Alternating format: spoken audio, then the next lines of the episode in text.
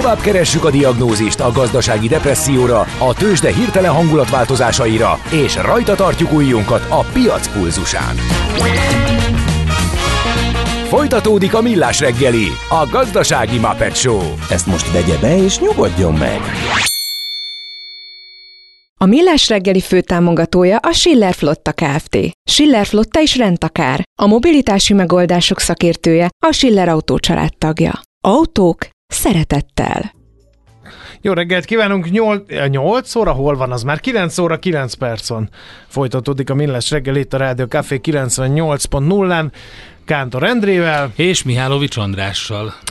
A hallgatók pedig, ha akarnak, a 0 36-os 98 0 98 0 SMS, WhatsApp és... Vagy a Facebook oldalunkon Messengeren, mert hogy például Gábor is írta oda, hogy már a leminősítés sem a régi. Hát igen, mert a régió dolgokból ritkán marad bármi. Ki lehet tenyészteni, az volt a kérdésed, ki lehet tenyészteni sok pénzzel egy nemzeti bajnokot, csak nem csipet fog gyártani, hanem jaktot vesz, írja az egyik kedves hallgatónk erre a felvetésedre. Igen. igen. Na, menjünk tovább, mert az én rovatomból ne raboljuk tovább az időt.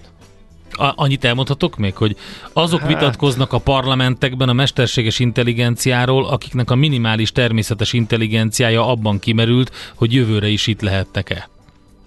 Hát igen, ezekre próbáltunk rákérdezni. Igen, köszönjük. Kapcsolatban, igen. No, ecsi, azt gumicsimmád van-e? Hát azt tudod, mi az az üsző? Aztán acatolót forgattál-e már? És azt tudod-e, milyen magas a dránka? Na majd, ha Mihálovics gazda segít? A Millás reggeli mezőgazdasági percei azoknak, akik tudni szeretnék, hogy kerül tönköly az asztalra. Mert a tehén nem szálmazsák, hogy megtömjük, ugye? No, hát elbúcsúztunk az árstoppoktól, élelmiszer árstoppoktól augusztus 1-ével, egy kicsit mérleget vonunk, meg egy kicsit a jövőbe tekintünk, hogy mi is lesz itt az élelmiszer árakkal. Raskó György agrárközgazdász van a vonal túlsó végén. Jó reggelt kívánunk, szervusz! Szervusz, jó reggelt kívánok! No, uh, vegyük sorra ezt az élelmiszer stopnak a hatásait. A termelőkre milyen hatással volt az élelmiszer, a hazai élelmiszerfeldolgozókra, kiskereskedelmi láncokra, fogyasztókra? Menjünk végig az egész láncon. Hát nyilvánvaló, hogy a fogyasztóknak egyértelműen ez egy kedvező dolog volt, hiszen alapvető élelmiszerek árszintjét 2021. október közepi árakon a kormány eh, befagyasztotta, és azóta ezek a termékek eh, sok esetben több mint 100%-kal emelkedtek a normál kiskereskedelmi eh, szektorban, Nyugat-Európában, vagy éppen persze Magyarországon is. És hát ez a megtakarítás fogyasztók részéről azért biztos, hogy jelentős volt ebben a másfél évben. Tehát ők elvileg jól jártak. Aztán a részletekbe megyünk, akkor kiderül, hogy ők se jártak annyira jól, hiszen a kiskereskedelem szereplői legyen független volt, vagy éppen lánc, azt a veszteséget, amit az ársapka miatt elszenvedtek, próbálták szétteríteni egyéb termékekre, tehát egyértelmű, hogy komoly ártározási hullám kezdődött az árbefogyasztással, és hát megemelték a háztartási tisztítószerek, vagy éppen piperecikkek és más termékek fogyasztói árát, olyanokét is, amelyek eredeti tervükben nem voltak bent. A kiskereskedelem ettől függetlenül óriási terhet viselt a hátán ezzel az ársapkával. Ennek a nagyságrendje a kivezetési körülbelül egy 330-350 milliárd forint, ami azért igen jelentős összeg, és hát ennek a döntő hányadát azért első helyen kiskereskedelem viselte, de nyilvánvaló, hogy a, az élelmiszeripari feldolgozó üzemeket is présbe szorította a helyzet, tehát az átadási árakon próbáltak, arra próbáltak nyomást helyezni, és valószínűleg az élelmiszeripari szereplők is részben ennek a politikai indítatású árbefogyasztásnak a terheit uh-huh. viselték. Talán, talán a legkevésbé az agrártermelők, hiszen nyersanyag termelőket közvetlenül a árbefogyasztás nem érintette, és hát legyünk őszinték, hogy azok a szereplők is, amelyek nemzetközi piacokon ott vannak, ott voltak, azok számára azért opcióként a hazai eladás helyett az export mindenképpen rendelkezésre áll. Uh-huh. Mennyire okozott ez maradandó sérüléseket a kiskereskedelemben? Ezt azért kérdezem, mert mikor korábban beszéltünk az árstop hatásairól, akkor mondtad, hogy, hogy nyilván egy, ezt a nagy terhet, amit a kiskereskedelem meg részint az élelmiszeripar nyögött ki, hogy ez, ez nem egyformán érintette a szereplőket, mert hogy van, aki ki tudja gazdálkodni ezeket a, ezeket a plusz terheket, mások meg nem. Lehet látni azt, hogy megfogyatkozott a kiskereskedelem mezőnye, és egyértelműen emiatt fogyatkozott meg? Hát egyrészt óriási fogyatkozás van, és ez részben mindenképpen ennek az intézkedésnek tudható be. A független vegyesboltok, vagy éppen a magyar láncokhoz tartozó franchise rendszerben működő élelmiszerboltok óriási vesztesei ennek a kormányzati lépésnek. Hát egyrészt körülbelül egy a 4-5 ezer kiskereskedelmi egység bezárt, hogy nem tudjuk, hogy végleg vagy csak ideiglenesen. Majd most a következő hónapokban kiderült, hogy az ársakkal kivezetésével újra nyitnak-e ezek a döntően falusi boltok, vagy nem. Akartam is kérdezni, hogy regionálisan hogy, hol, hol, hol van hol koncentrálódik ez, mert tényleg én arra gondoltunk, hogy ilyen kisebb települések, ilyen falusi boltok így egyszerűen fogalmazva. Hát döntően a falusi boltokra igaz a bezárás, de azért eh, kisvárosokban is eh, szinte teljes, ahol van diszkont eh, áruház, abban, azon a településen, még ha kisvárosról is van szó, bizony a független vegyesboltok hatalmas veszteséget szenvedtek, és hát ebből következik, hogy azért ennek a dolognak pénzügyileg talán még nem látható, de piac és a jövő szempontjából egyértelmű nyertesei a diszkontláncok, hiszen az árbefogyasztás óta piaci részesedésüket 32%-ról majdnem 40%-ra növelték, tehát a magyar fogyasztók, a magyar vásárlók a hagyományos szupermarketekből és a független vegyesboltokból szépen átvándoroltak valamelyik diszkont lánc élelmiszerboltjába, és hát nem véletlen, hogy közülük például a Lidl ebben az inséges időben volumenben is 10%-kal tudta növelni az eladásait, értékben pedig egészen elképesztő, több mint 30%-os uh-huh. növekedést produkált, miközben nagy láncok, akár Tesco, Spár, vagy éppen magyar CBA Coop hatalmas volumenvesztést szenvedett el, így előfordult néhány láncnál, hogy a volumenvesztés akkora volt, hogy a folyóáras árbevétele is csökken. Igen.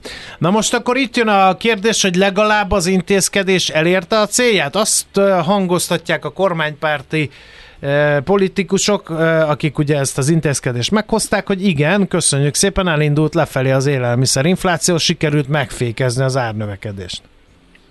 Hát nem ez volt a cél, mert először a infláció növelése volt a célja a kormánynak, csak amikor túlfutott ez a infláció, akkor kapott észbe, hogy talán most olyan intézkedések kellenek, amelyek azért az infláció növekedési ütemét csökkentik, de a kormány valóban, pontosabban a kormányzó párt azt a célt elérte ez az ástoppal, hogy kétharmados többséggel tudott 2022-ben országgyűlési választásokat nyerni, tehát egy politikai hozadéka biztosan volt uh-huh. az árstop rendeletnek, és hát utána, ha ugye nemzetközi összehasonlítást végzünk, akkor kiderül, hogy Magyarország szégyen szemre a legnagyobb inflációs rátával rendelkezik, a teljes inflációs ráta, azon belül pedig az élelmiszer infláció hihetetlen mértékben Igen. eltért a nyugat-európai trendektől, sokszor két és félszeresen haladta meg az uniós tagországok inflációs rátáját. Ezzel nagyon dicsekedni nem lehet, de hát ezt a kormány úgynevezett szankciós inflációnak nevezte el, meg háborús inflációnak, és hát a saját táborának elég jól el is tudta adni ezt az intézkedést, de ha közgazdás szemmel nézzük, akkor látható az egész intézkedés sorozatnak a negatív oldala is, ez pedig a magyarországi vásárlóerő, lakossági vásárlóerő és reál jövedelem elképesztő mértékű Igen. csökkenése, ami végül is a magyar gazdaságot, különösen a fogyasztási oldalon recesszióba vitte. Igen. A most ez egy másik történet, viszont itt van továbbra is egy intézkedés, tehát még mindig nem a piaci viszonyok dominálnak vegy tisztán az élelmiszer kereskedelemben, mert itt van a kötelező akciózás, meg az árfigyelő, és hát itt is olyan véleményeket hallani, a gazdasági versenyhivatal elnöke is ezt mondja, meg politikusok szájából is hallani, hogy, hogy ez egy újabb intézkedés csomag, ami arra irányul, hogy tovább csökkenjenek az élelmiszer árak. Ezeknek milyen hatása lehet megint csak erre a láncra nézve fogyasztók, kiskereskedők, élelmiszeripar? Ugye a kötelező akciózás most ugye beszerzési ár mínusz 15 százalék, ezen kell a kiskereskedőknek, kiskereskedő láncoknak kínálni a termékeket. Ez relatíve előnyös a kiskereskedelmi láncok közül a diszkontoknak, hiszen a beszerzésük, beszerzési politikájuk hagyományai miatt is sokkal jobb pozícióban vannak olyan beszerzési árakat elérni, amiből aztán a 15%-os engedmény már nem akkora veszteség számukra, különösen azért, mert a forgalom náluk bővül dinamikusan, miközben az összes többi láncnál és a független boltoknál, boltoknál pedig óriási a csökkenés. És hát ez egy, vegyük úgy, hogy ezen diszkontláncok részéről ez egy beruházás jelen pillanatban, piacszerzésről szól a történet, és valószínűleg ennek a, árbe, a kötelező akciózásnak a végén a diszkontláncok lesznek, akik nevetni fognak, míg azok, akik most a kormányzat jóvoltából nem kell, hogy részt vegyenek ebben a kötelező akciózásban, hatalmas piacvesztést fognak a következő hónapokban elszenvedni, hiszen a gazdasági versenyhivatal árfigyelő rendszere az egészen jól működik, tehát transzparensen látni, hogy az adott terméket melyik lánc milyen áron kínálja azon a héten, és hogyha valaki bemegy egy olyan vegyesboltba, amely nem vesz részt ebben a kötelező akciózásban, előfordul, hogy 25-30 százalékos árkülönbség is kialakul, amiatt már az egyébként is megcsappant vásárlóerővel rendelkező fogyasztó bizony át fog menni, át fog pártolni azokba a boltokba, ahol ezt a uh-huh. árat, illetve terméknek az árát jóval alacsonyabb Igen. szintre helyezték. Igen. Ez az átrendeződés, ez most folyamatban van. Én azt gondolom, hogy a kormány azt nem gondolta végig, hogy az egész beavatkozásának a vesztesei magyar független kisvállalkozók, akik hagyományosan esetleg apáról fiúra örökítve évtizedek óta élelmiszer kiskereskedelemmel foglalkoztak, falusi vegyesboltjuk volt, bizony ezek jövője erősen kérdésessé vált. Igen. Többek Egy... között ezen intézkedés sorozatnak is. Egy utolsó kérdés, hogy megy a vita azon is, hogy ezek az intézkedések mennyiben járulhatnak hozzá az infláció további letöréséhez, vagy elindult ez a folyamat már magától, és erre erősítenek rá? Akár az árfigyelő, akár a kötelező akciózás.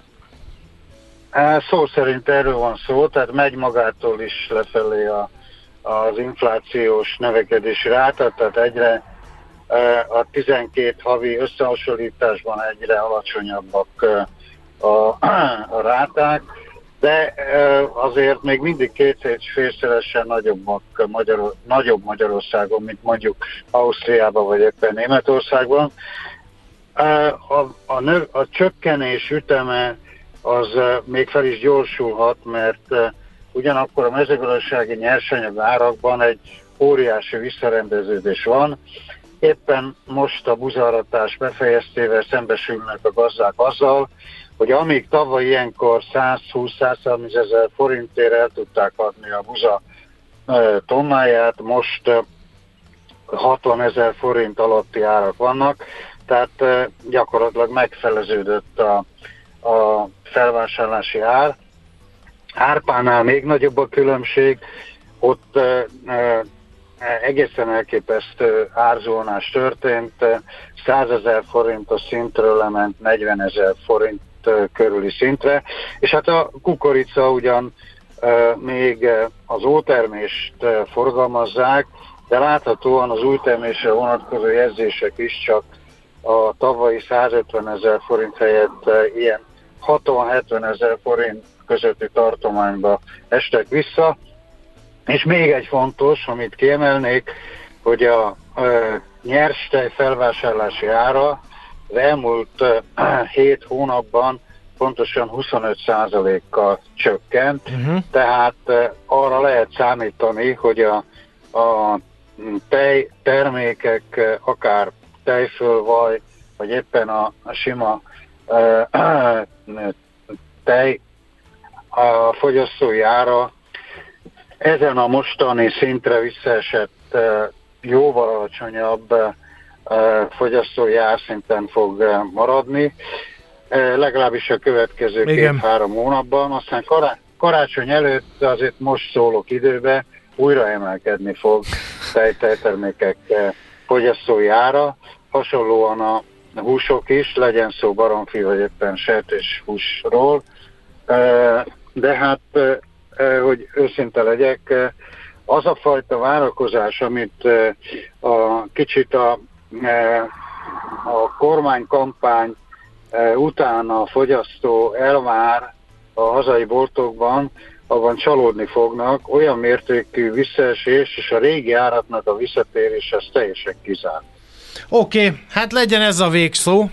Nagyon tanulságos volt ez az elemzés. Köszönjük szépen, és további szép napot, jó munkát kívánunk. Minden jót nektek, és viszont hallásra. Raskó György agrár közgazdásszal vettük végig egyrészt az élelmiszer ársapkáknak a hatásait, másrészt a most éppen már zajló kötelező akciózás és árfigyelő e, piaci hatásait kénytelenek vagyunk egy kis életörömmet is sugározni az éterbe azután, hogy így azért ezek a kilátások nem annyira jók. Mihálovics gazda most felpattant egy kultivátorra, utána néz a kocaforgónak, de a jövő héten megint segít tapintással meghatározni, hány mikron a gyapjú. Hoci a pipát, meg a gumicsimmát! Most már aztán gazdálkodjunk a rézangyalat, mert nem lesz itt semmi se. Arról se meg a mindenségit neki. Tőzsdei és pénzügyi hírek első kézből a Rádiókafén, az Equilor befektetési ZRT-től. Equilor, 1990 óta a befektetések szakértője. Sági Balázs szenior elemző a vonalban. Szervusz, jó reggelt! Szervusztok, jó reggelt, üdvözlöm a hallgatókat! Jó reggelt, jó hetet, hogy indítjuk a béten a héte, a hetet? Um, hirtelen lett forgalom, az elmúlt 10 percben rendkívül megugrott a forgalom.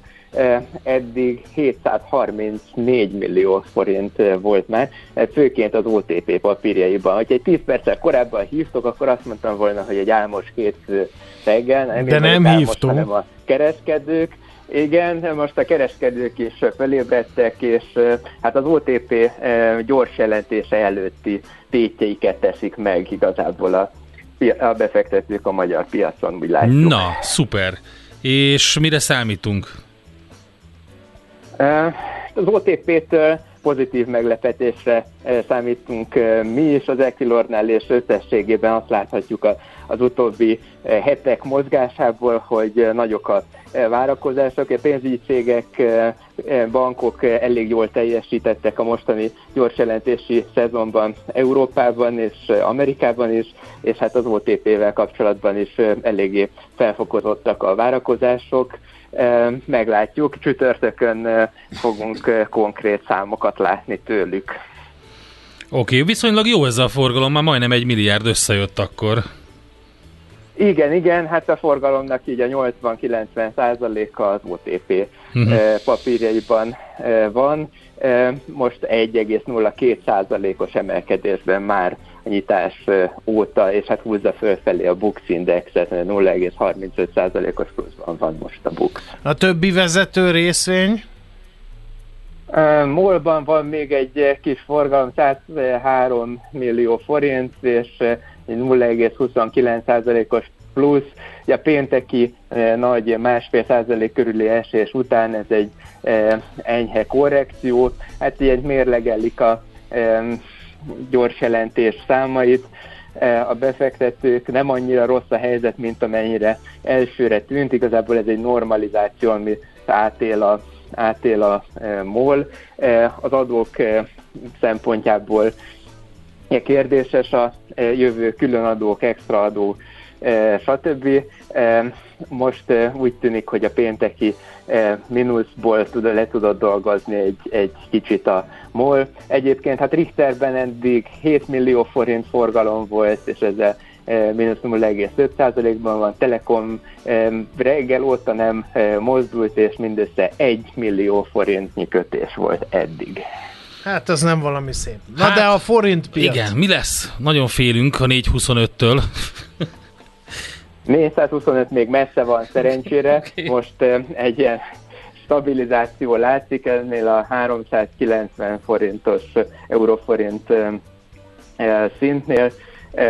Reggel, ma reggel is volt egy kis elbizonytalanodás, fölmentünk 392-5-ig, visszajöttünk gyakorlatilag a napnyitás szintjéhez, egy ilyen 0,13%-os gyengülés láttunk mindössze, és hát 1 euróért 390 forint 37 fillért kell adni. Most úgy, mi úgy látjuk, hogy ennél a szintnél, ennek a szintnek a közelében oldalazhatunk a következő napokban, amíg nem érkezik valami olyan hír, ami nagyon megváltoztathatja a képet. Oké, okay, rendben, figyeljük akkor. Köszi szépen Balázs, jó kereskedést nektek! Köszönöm szépen, szép napot nektek is, és hallgatóknak is. Sziasztok! Szia, szia! Sági Balázsral beszélgettünk szenior elemzővel. Tőzsdei és pénzügyi híreket hallottatok a Rádiókafén az Equilor befektetési ZRT-től. Equilor, 1990 óta a befektetések szakértője.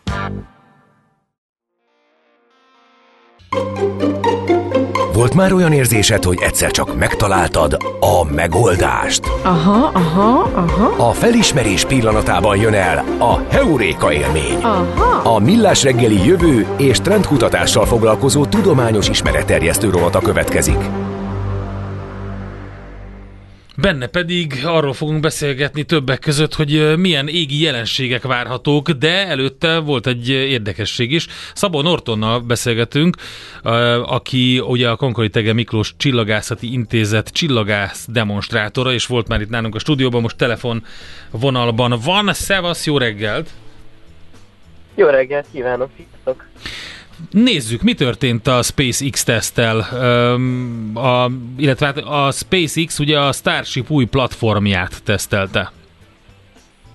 Így van, hogyha talán emlékeznek még hallgatók, akkor áprilisban volt egy viszonylag nagyobb sajtó híre annak, hogy a, az új rakétákat elkezdték tiszt, tesztelni Texasban a SpaceX-nél, és ugye az volt akkor a, a szenzáció, hogy felrobbant.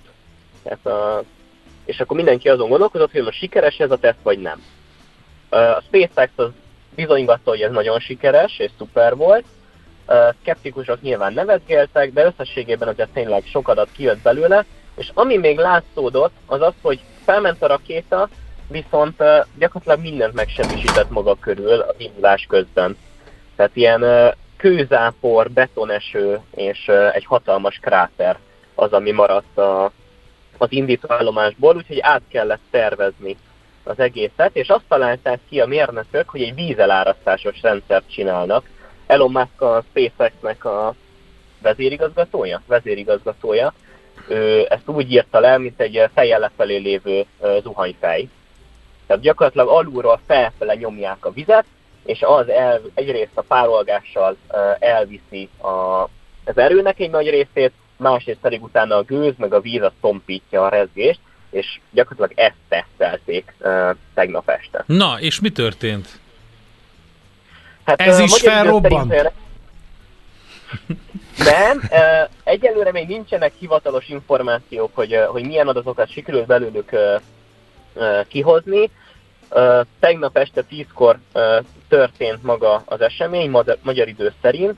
Három másodpercig tartott nagyjából, egy statikus tesztről van szó, tehát lelánc, leszíjazták a rakétát, és úgy indították be a hajtóműveket. Ugye a, a Starship-nek a, ez a boostere, tehát az első fokozata, ő 33 uh, hajtóművel van ellátva, ebből négyet már korábban kikapcsoltak. Tehát négy már el sem indult uh, valamilyen meghibásodás, vagy óvatosság, vagy bármi más miatt. A maradékat azt viszont teljes erővel bevetették, és, és megmaradt. Tehát ami látszik távolról, meg drónfelvételeken, hogy egyben van az egész, nem rázta szét, úgyhogy úgy tűnik, hogy a koncepció működik. Azért mielőtt repülés lesz belőle, elképzelhető, hogy lesz még egy ilyen teszt, még egy főpróba, és utána pedig hát határa csillagos ég. Hm. Érdekes. Hány ilyen booster van? 20 valahány? Hát ugye boosterből ez volt a kilencedik. Ja, értem. Tehát ő a kilences, ugye hetes volt az, ami felrobbant és a második fokozatból pedig a 25-ös az, ami erre rá lesz rakva. Jó, értem. Uh, tehát, tehát ugye két részből áll a rakéta, a felső rész az tényleg már ezek a 20-as sorszámok, tehát most készül a 30 a boosterek az első fokozatból pedig ez volt a 9-es. Na, tehát akkor az azt jelenti, és tényleg a nevetgérés az, azt lehet mondani, amikor nem sikerül valami, de valójában, hogyha megnézzük, akkor a, a teljes iparosodás óta gyakorlatilag mindennek az a próbája, hogy tesztelni kell, és hogy elromlik, akkor kinyerni az adatokat, megnézni, mi romlott el, és utána folytatni azok alapján. Úgyhogy így ezzel az erővel ez jó hír akkor. Ez most miért ilyen fontos egyébként ez a Starship dolog? Mi, ezt hát nem tudják sokan köztük én sem, hogy most mire gyúrnak ezzel? Tehát mi a cél? Mit akarnak ezzel a, ezzel a Starship-al szállítani, és hova? Uh-huh. Szóval gyorsan, hogy reagáljak tényleg a tesztre, hogy, hogy valóban minden nagy találmányban voltak prototípusok, csak ugye most az a nagy különbség, hogy itt hatalmas sajtót kap az egész. Aha, igen. És hogy mit is akarnak? Mit is akarnak ezzel? Hát több fontos ö, dolog van. Ugye közeljövőben műholdaknak a pályára állítása, ez egy prioritás. Aztán ami nagyon fontos, hogy a, az újabb holdra szálláshoz egy, ö, egy elengedhetetlen rész a Starshipnak a működése, mert hogy a NASA SpaceX-et bízta meg azzal, hogy a hold felszínére azt az űrhajót kifejleszték, amivel leszállnak, és utána onnan visszajönnek, és az ennek a Starshipnek egy módosított változata. Tehát, hogyha itt nem sikerül kifejleszteni, akkor a 2025-ös holdra az még tovább tolódhat, ki tudja, hogy mennyi idő. Uh-huh. Aztán, hogyha távlati tervekben gondolkodunk, ugye Elon Musk mindig előhozza azt, hogy a Marsra szeretne juttatni embereket. Tehát végül is ez valahol a végcél ezzel az űrhajóval, hogy ő lesz az, ami a Marsra viszi majd az emberiséget. Oké, okay. na akkor egy kicsit nézzünk utána egyéb témáknak itt az égen. Egy hét a csillagok alatt. Augusztus 3 és 13 között zajlik ez a rendezvény sorozat. Ennek mi a lényege? Arról szól, hogy két amatőr csillagász, Barna Barnabás és Oldas Jandis négy évvel ezelőtt kitalálták azt, hogy itt van az augusztusi csillaghullás, egy csomó csillagvizsgáló, amatőr csillagász egyesület, magánszemélyek tartanak bemutatókat, és ezt össze lehetne fogni valahogy egy országos kezdeményezésbe. És a csillagok alatt az gyakorlatilag ezt csinálja, hogy tele van az ország, sőt a Kárpát-medence is, most már három felé is elhagytuk az országot. Bárki jelentkezhet magánemberként, egyesületként, csoportként, kiáll a távcsövével, vagy a Városi Könyvtárban tart egy előadást, ami mindenki számára nyitott, és oda lehet menni. És ez most történik, tehát ezekben a napokban már négy napja tart az esemény, egy hétvégén túl vagyunk, az eső picit elmosta, de bízunk benne, hogy a továbbiakban sikeres lesz, és érdemes nézegetni az egy hét a csillagok alatt.hu honlapon, hogy tényleg tele van az ország programokkal. Tehát aki még nem nézett távcsőbe, aki még nem foglalkozott a csillagászattal, de azért egy picikét érdekli, nézzen rá a honlapon található Magyarország térképre, és biztos vagyok benne, hogy a 30 kilométeres körzetében lesz egy amatőr csillagász legalább. Én például jövő héten kedden a Bikás Parkba fogok kiállni két barátommal, meg három távcsővel, és az arra járóknak ez a fényszennyezés nem zavar be ilyenkor? Mert ugye ez is egy ilyen környezeti probléma, a fényszennyezés nem halványítja el a csillagokat? Ezt azért mondom, mert hogy volt szerencsém a Bakony kellős közepén sátorozni egy hosszabb időn keresztül, és nem ismertem rá a csillagos égre. Arra a csillagos égre, amit városlakóként látok, összehasonlíthatatlan azzal, amit ott az ember az erdő közepén lát. Persze, a fényszennyezés az mindig egy nagy rákfenéje ezeknek a programoknak, hát igazítani kell a körülményekhez. Aha. Tehát a, a belvárosból nyilván nem fogunk halvány galaxisokat nézegetni, de a Saturnusnak a fényes korongja, a gyűrűje, a szépen látszik holdat bárhonnan lehet mutatni, csillaghalmazok, kettős csillagok, tehát fényes objektum. Minden helyszínen meg lehet találni az onnan leglátványosabb dolgot.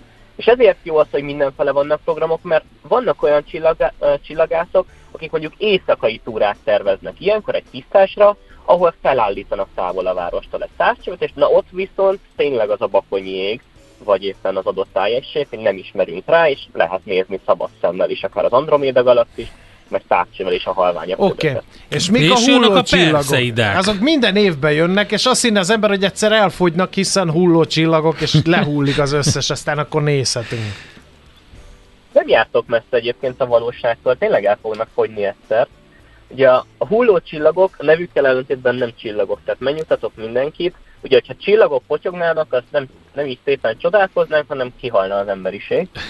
Uh, itt valójában arról van szó, hogy mindenféle üstökösök mászkálnak a naprendszerben, és ahogyan csóvát húznak, beszennyezik a pályájukat. Tehát nagyon sok porszem, kis kavics, kődarab leszakad róluk, és ez így elszólódik a pályán. És vannak olyan üstökösök, amiknek a pályája keresztezi a földét. És hogyha ilyenkor mi átmegyünk ezen a porfelzőn, amit, őt elhagy, amit ezek elhagytak korábban, akkor ezek a porszemek becsapódnak a légkörbe, felizzanak, és gyakorlatilag ezt látjuk hullócsillagként, hogy több 10 km per másodperces sebességgel áthúznak a légkörön ezek. A perzeidek, ugye a nagy augusztusi meteorraj, az a Swiss Tuttle üstökösnek a maradványa, ami 133 évenként jár erre, közeljövőben ne számítsunk rá. Uh, és, és egy ilyen korábbi porfelhőn megyünk át, aztán amikor megint itt van az üstökös, akkor megint egy picit dúsabb lesz és aktívabb maga De jó. És tehát akkor minden egyes alkalommal mi megyünk hogy... át ezen igen. a porfelhőn, tehát nem is ők jönnek, hanem mi megyünk. igen, tehát az, az van, hogy, hogy egy ilyen nagy porgyűrűt kell elképzelni a nap körül, és akkor mindig augusztusban érünk erre a részre, ahol ilyen nagyon dús. És miért mondod, hogy elfogyhatnak a, perseidek?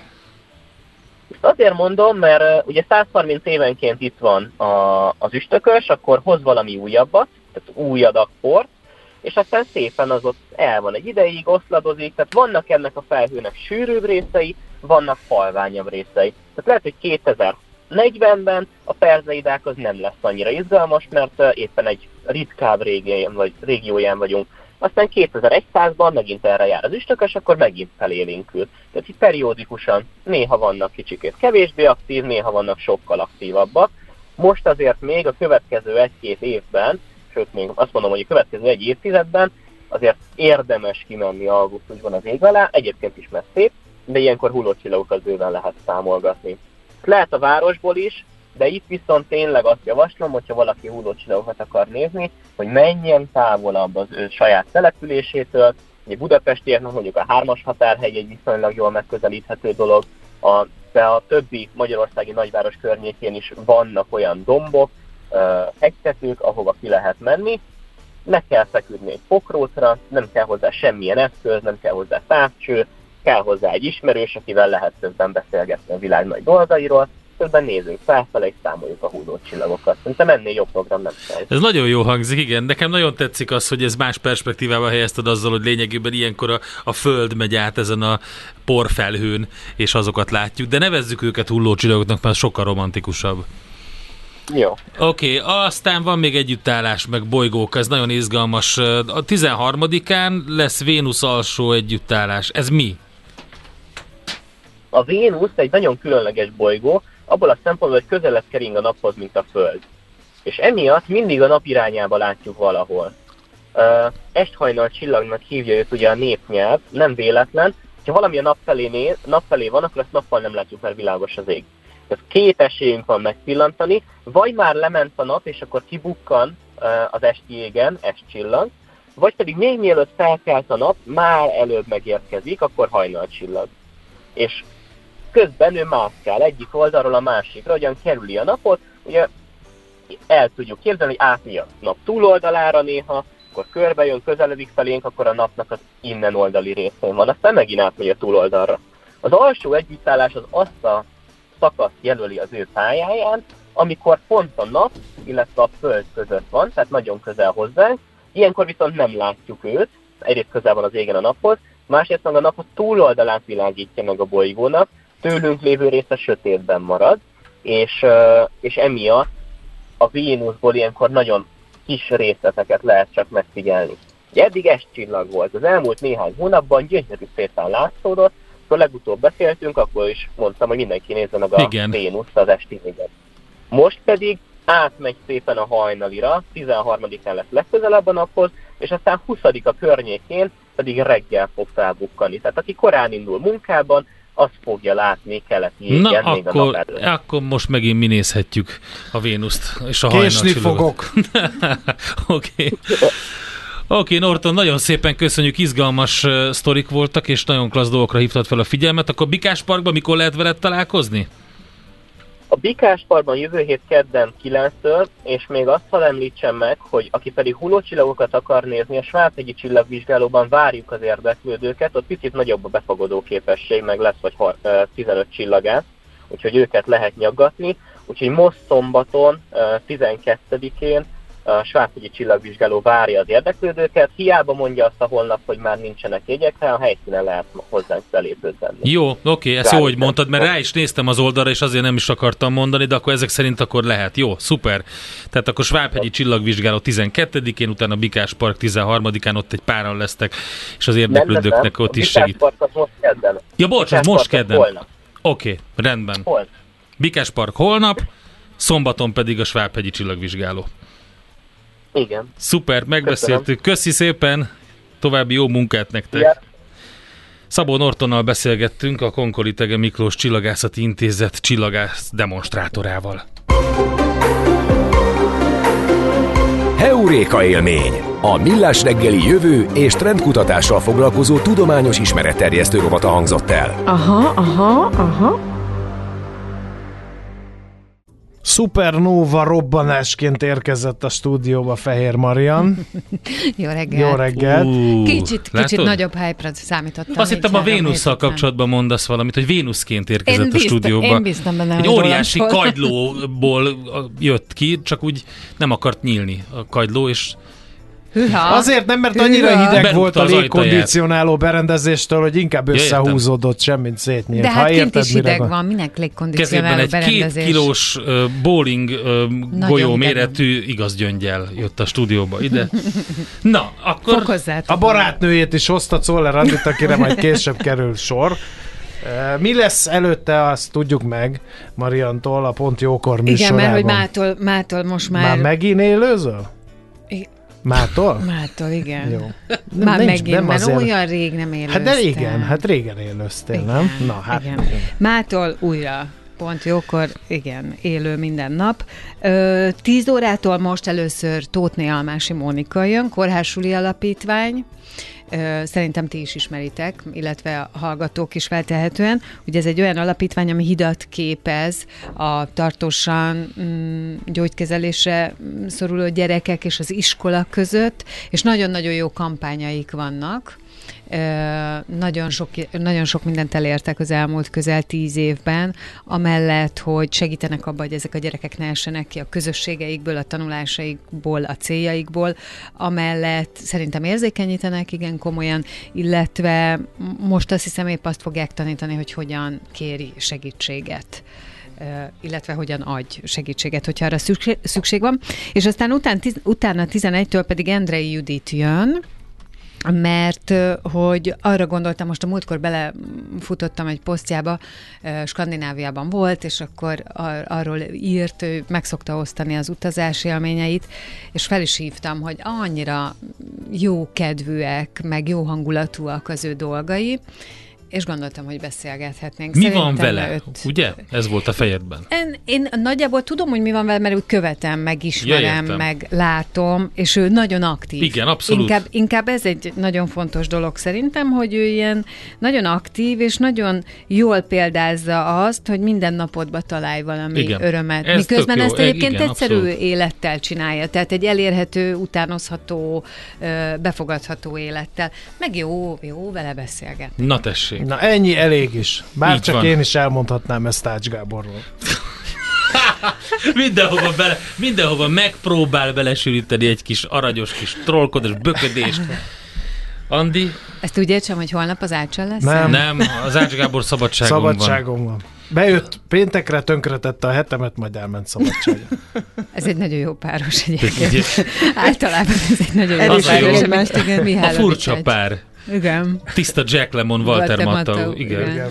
Na jó, mi- én azért itt leszek holnap. Majd Te mostában sokat vagy. Igen, látod, köszönöm. Végre valaki Én- észrevette. én- Tessék, a Marian vette észre. Így van. Hát előtte meg két hétig nem volt. Jó. Na most azért ez nem kellett De volna. Gede is Sokkal régen volt. árnyalja a képet. A Gede? Az három Majd holnap hónapja jön? szabadságon van, majd holnap Kettő jön. hete van szabad. Dehogy is. A Gedét úgy megszivatták a horvátok, szedjétek ki belőle, nem leszek holnap. És előtte meg két hétig folyamatosan volt, de mi történt? Ma jó, Hát felgyalogoltatták valami hegy, valami várfalra, majd amikor véget értek emberhalálok ezrei árán, végigértek a 70 fokos melegbe, a- jött egy helyi szembe, hogy ti miért ezen az úton jöttek? Hát itt egy lépcső, ezen két perc alatt. Na most ez a Gedének, Ez ezt az ízületeinek nagyon-nagyon jól tett Ő feltetted. teljesen rendben van, és fit fiatalember. Holnap majd, majd be is bizonyítja. Köszönjük szépen a figyelmet. Nektek, hogy itt voltatok, te még, hogy itt maradsz, te is, hogy itt Hogy voltál. én elmegyek végre, azt is megköszönöd. Igen. Na jó, sziasztok! Sziasztok!